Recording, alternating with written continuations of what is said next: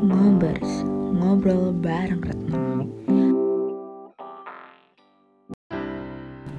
Hai, gimana kabar belakangan ini? Di tengah outbreak COVID-19 ini, mungkin banyak dari kalian yang jadi stres. Biasanya bisa leluasa ngerjain sesuatu. Sekarang serba terbatas. Di rumah bareng keluarga, lama-lama juga semakin menantang. Ya nggak? Kerja sambil diributin anggota keluarga lain.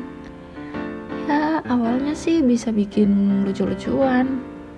Semakin ke sini, semakin bikin bete. Wajar banget sih yang kayak gitu.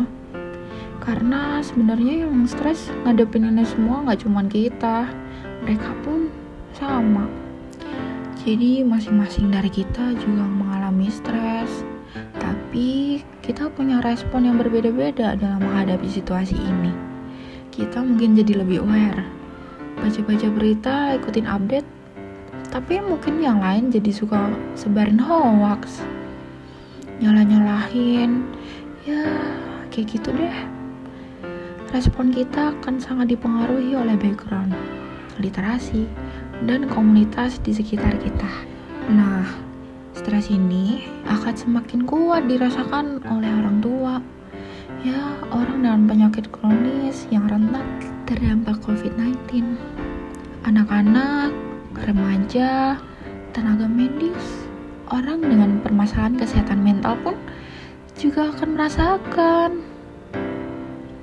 Gimana bentuknya kalau emang kita stres ngadepin si virus ini? Ya kita jadi ketakutan, mencemas akan kesehatan kita dan orang-orang di sekitar kita. Dikit-dikit cek suhu, dikit-dikit ngerasain kayak kena covid. Hmm, pola tidur jadi terganggu, pola makan juga terganggu. Ya gimana dong, susah konsentrasi juga. Kadang jadi single bacok gitu deh kalau yang udah punya sakit kronis kondisi jadi semakin memburuk. Semakin sering rokok minum minuman keras ngopi sampai berlebihan juga. Kalau kita ngerasain hal itu terus harus gimana?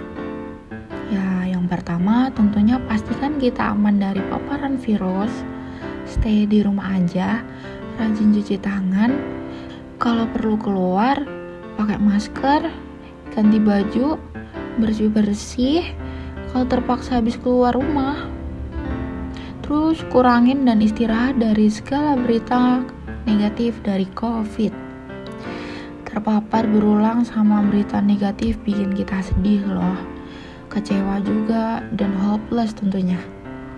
Bukan berarti nggak boleh ikutin beritanya, tapi coba kurangin dan imbangin dengan melihat berita atau konten-konten yang menghibur.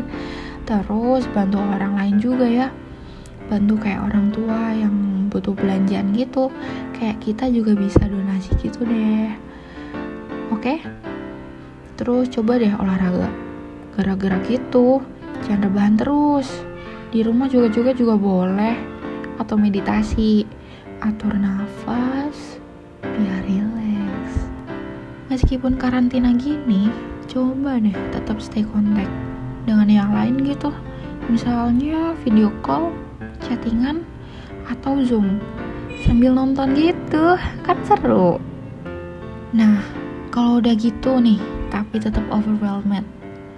Coba kalian bisa curhat ke orang yang kalian percaya atau cari bantuan profesional ada beberapa lembaga kok yang membuka konsul online yang gak kalah penting nih stay positif dan stay healthy semoga kita semua bisa melalui ini dengan baik ya Yuk jadikan kedatangan virus ini sebagai media kita untuk jadi individu yang lebih baik, untuk menjadi komunitas yang lebih solid, dan untuk menjadi negara yang lebih tangguh.